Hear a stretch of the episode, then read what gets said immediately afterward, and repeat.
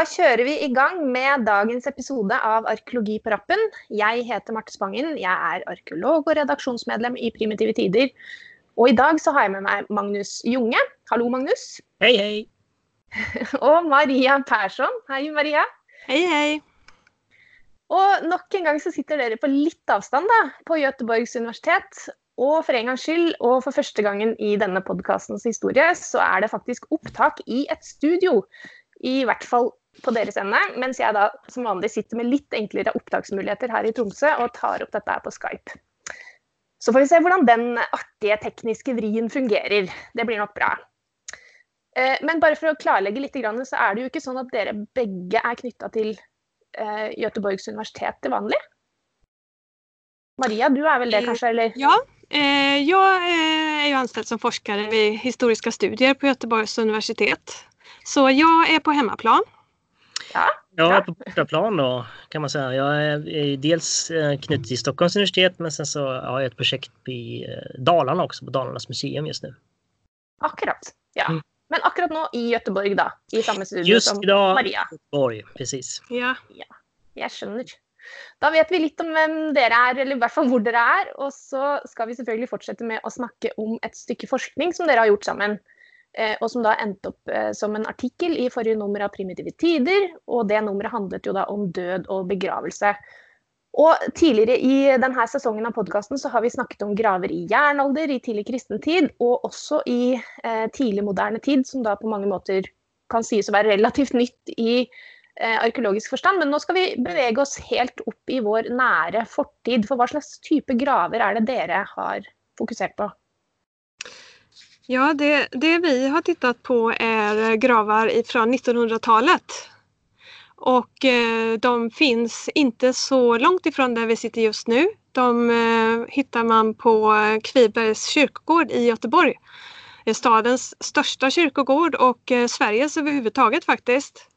Oi, wow! Det visste jeg Ja. ikke. Ja. Så eh, det är en, en stor allmän kyrkogård i Göteborgs stad och där finns ett antal gravar som eh, sticker ut en hel del eh, för där finns två stycken eh, krigsgravfält.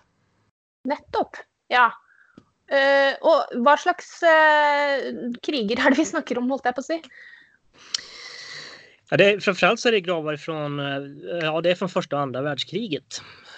Så så det är då eh, soldater, matroser, flygare som på olika sätt har hamnat på svenskt territorium. Eh, Som har samlats på två stycken olika gravfält på den här kyrkogården. Så det finns då ett gravfält som eh, är res- reserverat för de samväldets soldater och så finns det ett från tyska.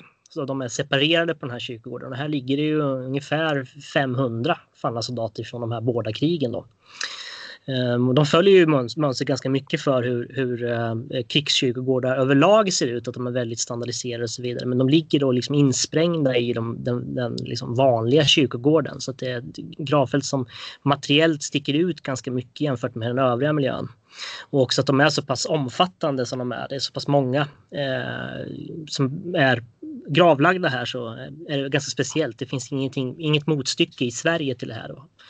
Eftersom eh, Sverige stod utanför krigen eh, så finns det inte så mycket krigsgravar så att säga, från modern tid i Sverige. Så det här är ju ett ganska stort undantag kan man säga. Eh, med de här båda gravfälten.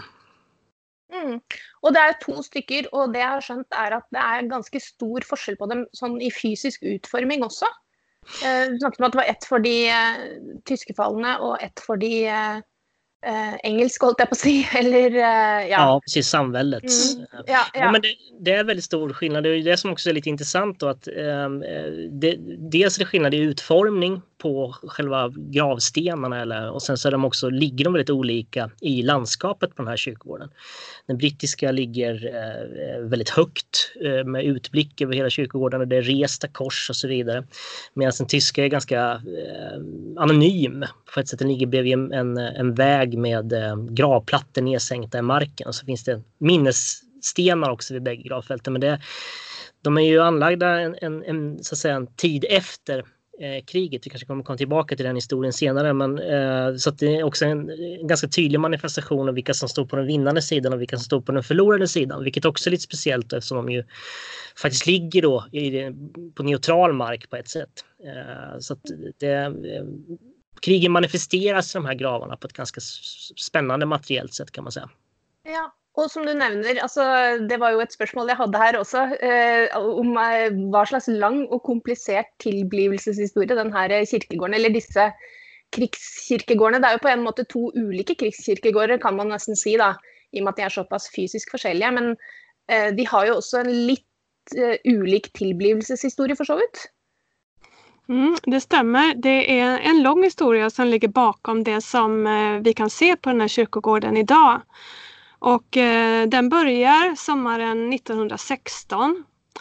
Då eh, pågår ett sjöslag utanför Jyllands västkust som eh, vi känner som Skagerackslaget. Där eh, omkommer väldigt många, både tyska och engelska eh, från eh, det slaget. Och eh, de kroppar som inte bärgas, de kommer att eh, driva med havsströmmarna ända till den svenska västkusten. Så senare under sommaren där så, så flyter det i land många avlidna från det här sjöslaget. Och det man gör då det är att eh, man försöker identifiera dem såklart. Men sen så eh, begravs de i de kyrkliga områden, i de socknar där de har påträffats. Och kommer att få sin grav där. Eh, och det är det som har hänt de soldater som har mist livet under första världskriget. De eh, soldater som vilar på Kviberg som istället miste livet under det andra världskriget, de har omkommit under eh, ganska olika omständigheter, olika krigshändelser. Men det som är gemensamt här, det är att där de påträffas på svensk mark eller på svenskt vatten så gör man samma sak som under det första världskriget, att man eh, begraver dem lokalt i de kyrkliga områden där eh, de har hittats. Och eh, sen går tiden ett tag. Andra världskriget avslutas och strax efter det så började en process hos de krigförande parterna att eh, man vill eh, samla sina avlidna som man ju inser eh, ligger begravda på de här eh, ganska avlägsna kyrkogårdarna runt omkring. Och eh, en lång historia kort, det är en lång process på över ett decennium eh, av olika krigsgravsutredningar.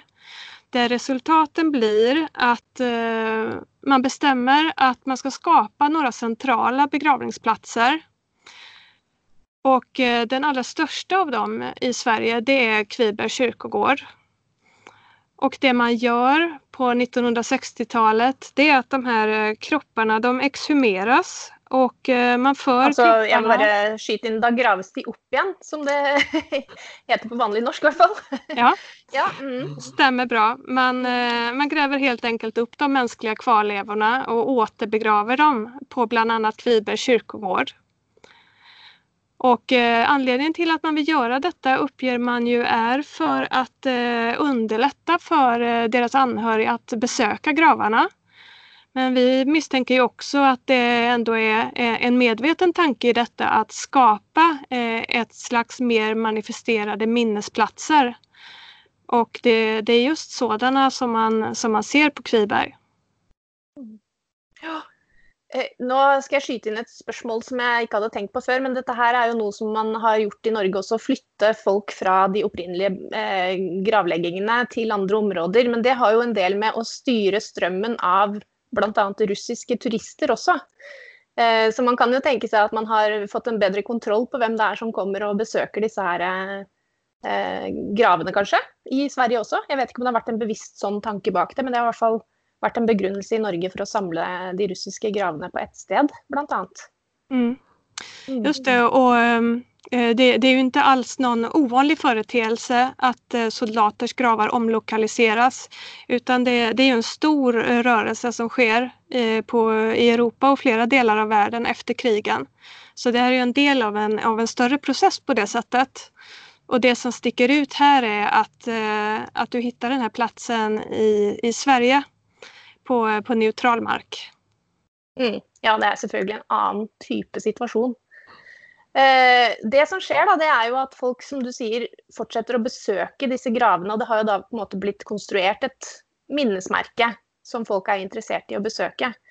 Eh, og det gjør jo at denne altså Når man skal se på den kirkegården med et arkeologisk blikk, så er jo ikke den da et sånt forlatt minnesmerke, men absolutt i bruk, og kanskje mer et arkeologisk objekt som bare fortsätter att bli till eftersom folk brukar den. Jag vet inte om du har något att säga om det, Magnus? Ja, ja men alltså det är det som är lite intressant eh, på ett sätt då att det här, dels att det här eh, ändå är en ganska okänd plats tror jag för de flesta som bor i Göteborg. Eh, det var ju lite så som vi faktiskt hittade här. Det var ju egentligen en slump. Eh, jag tror vare sig Maria eller jag eh, känner till den här platsen förrän vi så att säga stötte på den. Eh, eh, så på så sätt så kan man säga att eftersom det här är så stor kyrkogård så finns det ju väldigt många människor i rörelse kring de här platserna som egentligen inte liksom är där i syfte att besöka just krigsgravarna. Men som ändå på något sätt konfronteras med det här och det är ju genom att de sticker ut så pass mycket så är de ju också eh, ganska ögonfallande. Så man konfronteras på ett sätt med det här den här, den här stora historien i det lilla. Eh, och de, för de flesta så är det då ett ganska oväntat möte. Men, men sen så finns det ju också eh, eh, ganska många eh, som kom hit och för att besöka de här gravarna.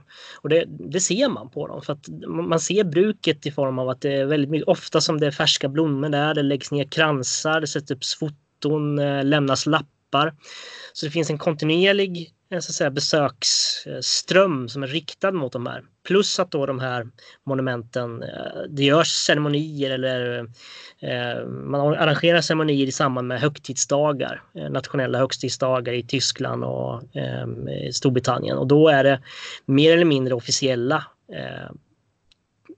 så att säga, tillgivelser om man säger så. Det, det är folk som man lägger ner kransar och så vidare på minnesdagar. Mm. Så liksom en ganska, det är liksom en, väldigt olika typer av, av syften som människor har för att interagera med de här gravarna. Ibland slumpmässigt men ibland också är det liksom en del av det här minnesplats eh, eh, kan man säga från de stridande länderna också. Mm. Så de är i mm. allra, allra högsta grad i bruk som, som minnesplatser för att hedra offren för krigen. Eh, både på den tyska sidan och den, den brittiska sidan. Ja, och det betyder ju att då har man eh, egentligen en ganska stor bredd av också olika materiella uttryck av den fortsatta bruken i och med att man har som du säger folk som kommer som privatpersoner och önskar att kanske besöka speciella graver, samtidigt mm. som man har den här officiella bruken som efterlater sig lite andra materiella avtryck eh, efter en, ja, en sån eh, minnesbygging på en måte. Ja. Och det är väl egentligen det som är lite av kärnan i det dere prövar eller ska, vill diskutera i den här artikeln också. Eh, nettopp hur den här kyrkogården fungerar som en del av en identitetsbygging genom detta här eh, mötet möte med det materiella. Då som också har ett speciellt begrepp som ni brukar som du säkert kan komma lite, unnskyld, mer in på Maria. Ja, eh, vi har ju tittat på detta med en utgångspunkt i ett eh, materialitetstänk. Alltså att även eh, det materiella är en del av olika sociala relationer som finns. Eh, och även utifrån eh, begreppet encounter som är, är, är, lite svårt att hitta ett bra uttryck på, eh, på svenska eller för den delen kanske på norsk, jag vet inte. Eh, men eh, det, som, det som vi menar med det, eh, med, med begreppet encounter, eh, det är att eh, det sker ett möte eller om man så vill en slags konfrontation eller plötsligt möte och det här behöver inte vara eh, negativt laddat så som ordet konfrontation kanske är. Utan eh, det som innefattas av detta är att eh, när man inte känner till de här gravarna tidigare då och helt plötsligt möter eller encounter dem på den här platsen så tvingar det fram väldigt mycket tankar och väldigt mycket funderingar över vad det egentligen är man ser och varför. Och det eh, kan inte vi tänka oss är något unikt för just oss utan den här materialiteten som finns där, alltså de synliga gravarna, det, det får en att fundera över väldigt mycket saker och eh, det blir i förlängningen också ett möte med en väldigt mycket större historia. än den, eh, än den man först tänker på. Här har man ju en möjlighet att eh, helt enkelt möta båda världskrigen och det är oväntat att göra det på en allmän begravningsplats i Göteborg. Mm. Mm. Ja, jag tänker på det encounter-begreppet. Det är ju helt riktigt som du säger att det är ganska vanskligt att få tag i det eller översätta det direkt till norsk eller svensk. För det är ju ett, du kan gott säga möte, men det innebär ju också att det är ett möte som har en påverkan på en eller annan måte. Då. Som du säger, inte nödvändigtvis negativ, men det måste ske en interaktion på något i det mötet för att det ska vara ett encounter. Ja. Men ja, ja, eh, och det var lite intressant för vi snackade ju i förra episoden med Fredrik Fallander som ju hade en tillsvarande tillnärmning men då till väldigt mycket äldre graver och den typen encounter som har skett med dem i tidig kristen tid. Eh, så det är ju lite intressant att eh, dere då tar den samma tillnärmningen och brukar på ett så nytt Eh, och då blir ju liksom spørsmålet hva er hva, Ja, vi kan snakke om att det är ett encounter och att man får mycket tankar och eh, knytter an till en större historia. Men vad fører det till? Liksom, vad, hva, betyder disse her møtene? Eh, och det att man möter disse gravene gang på gång. Kan du utdypa om det, Magnus? Ja, alltså, alltså, den stora arkeologiska frågan på ett sätt är väl vad, vad eh, en grav, hur man ska liksom förstå betydelsen av en grav i ett, i ett, i ett socialt sammanhang. Eh, och hur man ska förstå relationen till den som är gravlagd och till de som brukar graven. Och i det här fallet så blir det ganska tydligt på ett sätt kan man säga eftersom eh, om man ska återgå till det här med identitetsbygge och identitet så är ju de här mötesplatserna egentligen väldigt frånkopplade de här individerna som ligger där. De soldaterna som har dött här har ju givetvis varit människor som har levt sina liv eh, och inte definierat sig själva kanske i första hand som att de är stupade soldater men här så blir de liksom införlivade i ett identitetsbygge. Eh, och eh, samtidigt så är, det, är ju platsen får ju sin legitimitet i att de här människorna faktiskt ligger här, att det är stupade från krigen så att det, de är inte frikopplade från de här Eh, begravda soldaterna men samtidigt så fungerar ju den här platsens betydelse fungerar i relation till en, till en stor historia kan man säga. Både sättet som man, att man har flyttat gravarna, att man har utformat dem så pass standardiserat och så vidare. Eh, att det följer den här mallen för hur en, en krigskyrkogård ska se ut och så vidare så har man ju skapat någonting som är så mycket mer så att säga än, än en viloplats för en specifik individ. Och på ett sätt så kan man säga att den eh, principen är ju, kan man ju tillämpa egentligen på, på gravar ganska generellt tror jag. Oavsett om det är i, i, i nutid eller om det är i förhistoria.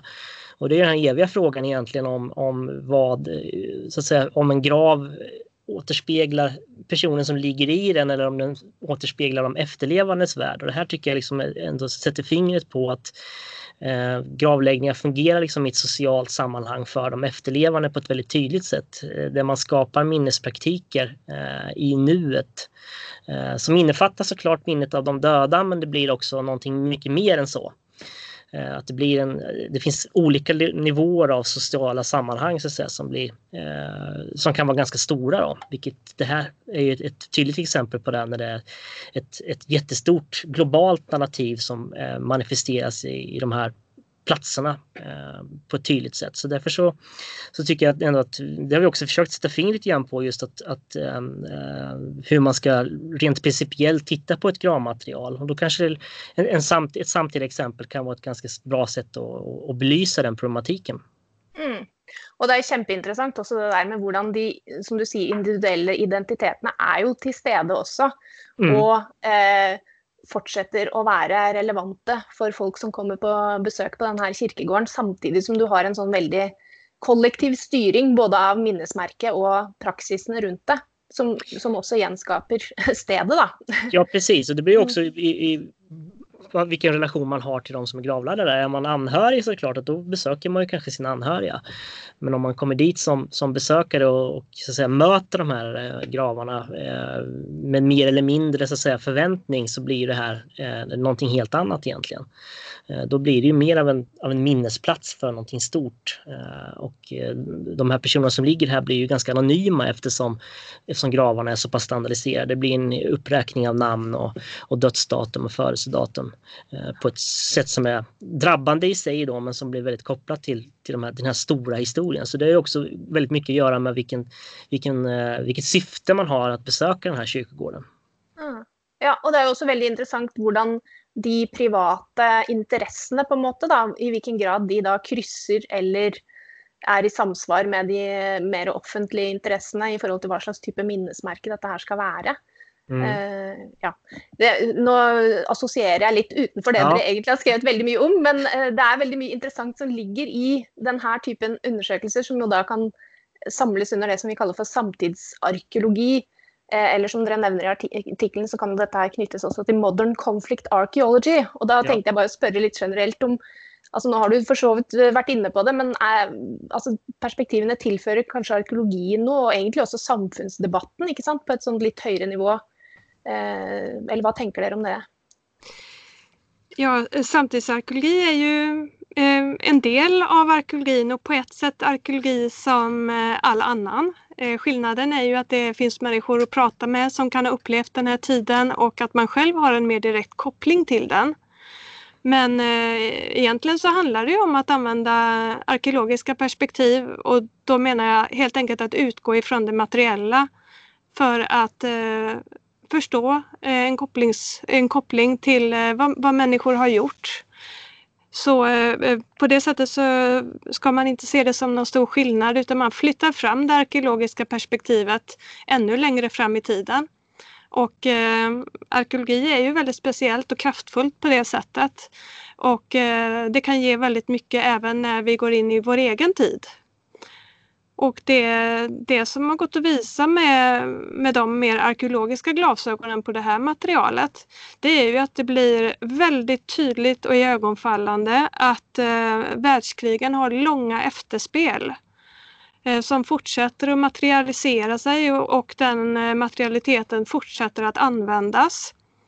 Så eh, världskrigen sträcker sig långt in i vår egen tid det eh, ger noen perspektiver på hva slags eh, varig virkning eh, verdenskrigene fremdeles har i vårt samfunn i dag, samtidig som det peker på hvordan det bevares gjennom det materielle i stor grad. Kan man si det? Det, det, kan man absolut säga. och jag tycker också att det här är ett spännande exempel på att de här givna arenorna som man brukar studera, det händer väldigt mycket även långt ifrån dem. Eh, eftersom den här platsen finns ganska långt ifrån vad man kan säga är de här konflikternas kärna så, eh, så finns det även en väldigt eh, tydlig bild som man kan ta till sig här. Och jag tror att det är just det arkeologiska perspektivet som gör det greppbart. Mm. Nei, men Det er godt å høre at arkeologin arkeologien bidrar med sånne ting. Noen ganger så eh, blir man jo litt sånn svevende når man skal si hva arkeologi bidrar med i dag, men eh, det var en veldig tydelig, en tydelig forklaring på det, tenker jeg. Og det her har jo blitt et større og større forskningsfelt med samtidsarkeologi.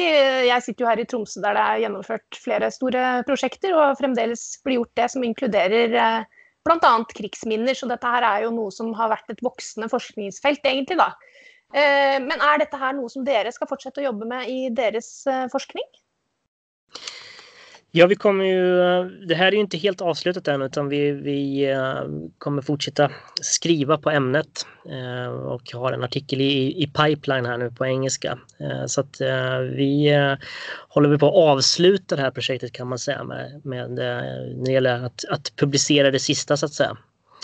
När det gäller akkurat kyrkogården här? Ja, precis. När det gäller ja. kyrkogården. Eh, mm. Annars anknyter det kanske lite mer till det du gör rent allmänt sådär med, med kulturarvsforskning och så vidare. Eventuellt. Ja, ja eh, det är vad jag håller på med nu tiden annars. Eh, ett Erasmus-projekt som tittar på eh, kulturarv med koppling till eh, eh, hur universiteten arbetar med kulturarvsfrågor och vilka möjligheter till social empowerment det finns Eh, i, eh, i kulturarvsbegreppet och hur universiteten kan bli bättre på att jobba med det. Så, eh, och, och det inbegriper just detta, det, det kom vi inte riktigt in på, men man bör ju även se det som en viktig kulturarvsplats, de här gravarna. Där, eh, där det också visar att eh, det är någonting som ständigt rör på sig och som betraktas på olika sätt. Mm. Ja, så det, blir, det, fletter seg litt inn i din generelle kulturarvsforskning opp mot universitetene også, forstår jeg da? Ja, stemmer. Ja. ja. jeg må dobbeltspørre noen ganger. Nei, men Det høres veldig spennende ut. Magnus, hva holder du på med for tiden? da? Du har gått over på noe annet? Uh... Ja, eh, dels så blir det förhistoria igen för min del. Jag kommer att hålla, påbörja ett projekt som handlar om, om eh, jakt och jordbruk under bronsålder med, som drar igång här nu i 1 januari vi ska försöka nyansera bilden av, av bronsåldersmänniskan som enbart bonde kan man säga. Eh, och även eh, också fokusera lite grann på olika typer av eh, eh, domesticeringsstrategier hos jägare och samlare under samma tid i norra Skandinavien. Så att det blir att försöka lösa upp de här dikotomierna mellan jakt och bondeliv. Så det är väl egentligen det som ligger i pipeline för min del. Spennende. Det høres jo veldig spennende ut også. Eh, skulle ikke si det er noe helt annet, men nå har vi akkurat fastslått at det behøver ikke å være så veldig annerledes eller veldig store forskjeller mellom eh, arkeologi i samtiden og arkeologi i forhistorien. Så da Nei. regner jeg med at du tar vel med deg noen av de samme perspektivene inn i det arbeidet også. Precis, man kan hålla på med lite allt möjligt. Det är det som är så bra i arkeologin. Ja. Med vad som helst. du kan hoppe litt fram og tilbake, det er helt ok. Precis. Nei, men Kjempefint. Eh, da ser vi jo selvfølgelig fram til eh, de nye resultatene av begge deres nye prosjekter og den eh, siste artikkelen fra det kirkegårdsprosjektet som da skal komme etter hvert. Og i mellomtiden, for de som da er spesielt interessert, så kan man eh, lese Magnus Junge og Maria Perssons artikkel 'Møten med krigsgraver i konflikternas periferi materialitet og bruk av betydelse' i det siste nummeret av Primitive tider som ligger tilgjengelig på, på, unnskyld, på nettsiden journals www.uio.no. Så vil jeg bare takke for en veldig spennende samtale. Takk. Takk selv. og tusen takk til dere som hørte på. Og Primitive tider er plutselig tilbake med en ny episode av podkasten, så følg med. Og takk for i